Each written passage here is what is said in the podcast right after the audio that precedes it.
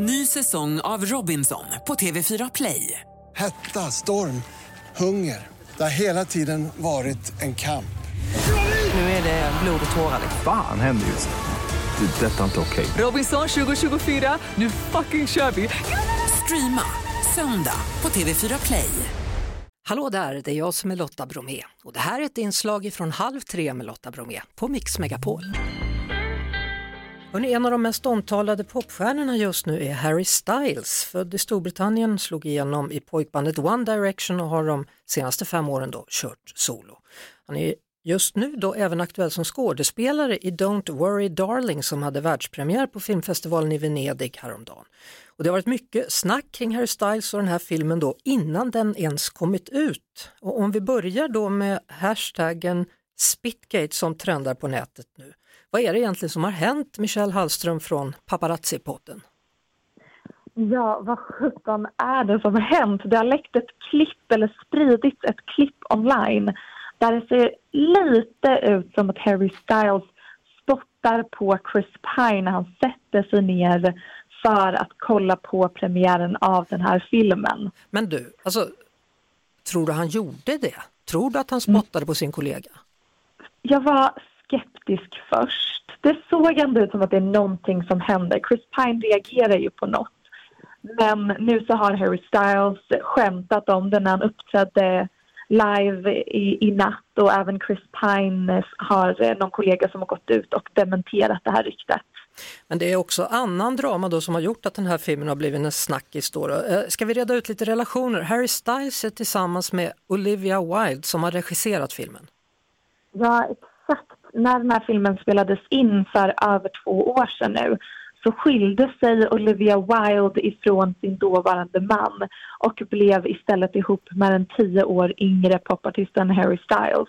Och det här har ju genererat jättemycket konversationer online, massa drama.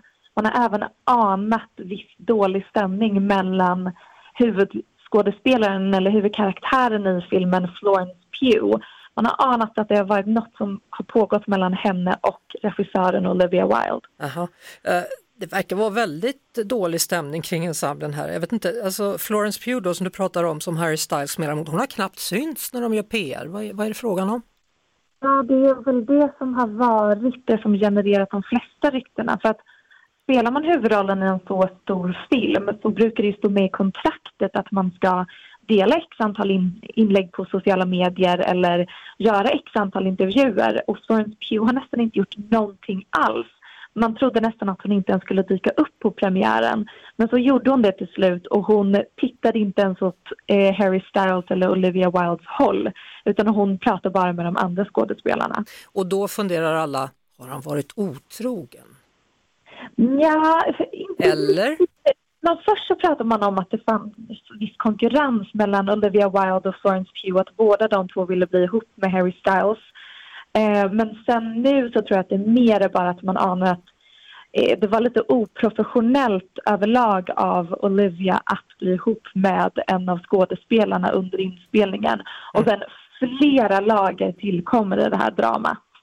Oj, oj, oj. Tack så mycket Michelle, skönt att du håller koll på den här Spitgate och så Ja, får du höra av dig ja, om det kommer ytterligare nyheter då. Tack för att du var med. Hej! Tack. Det var det.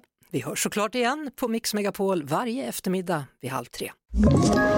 Ett poddtips från Podplay. I fallen jag aldrig glömmer djupdyker Hasse Aro i arbetet bakom några av Sveriges mest uppseendeväckande brottsutredningar.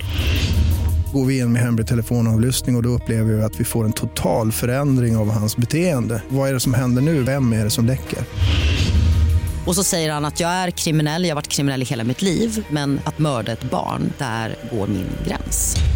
Nya säsongen av Fallen jag aldrig glömmer på Podplay.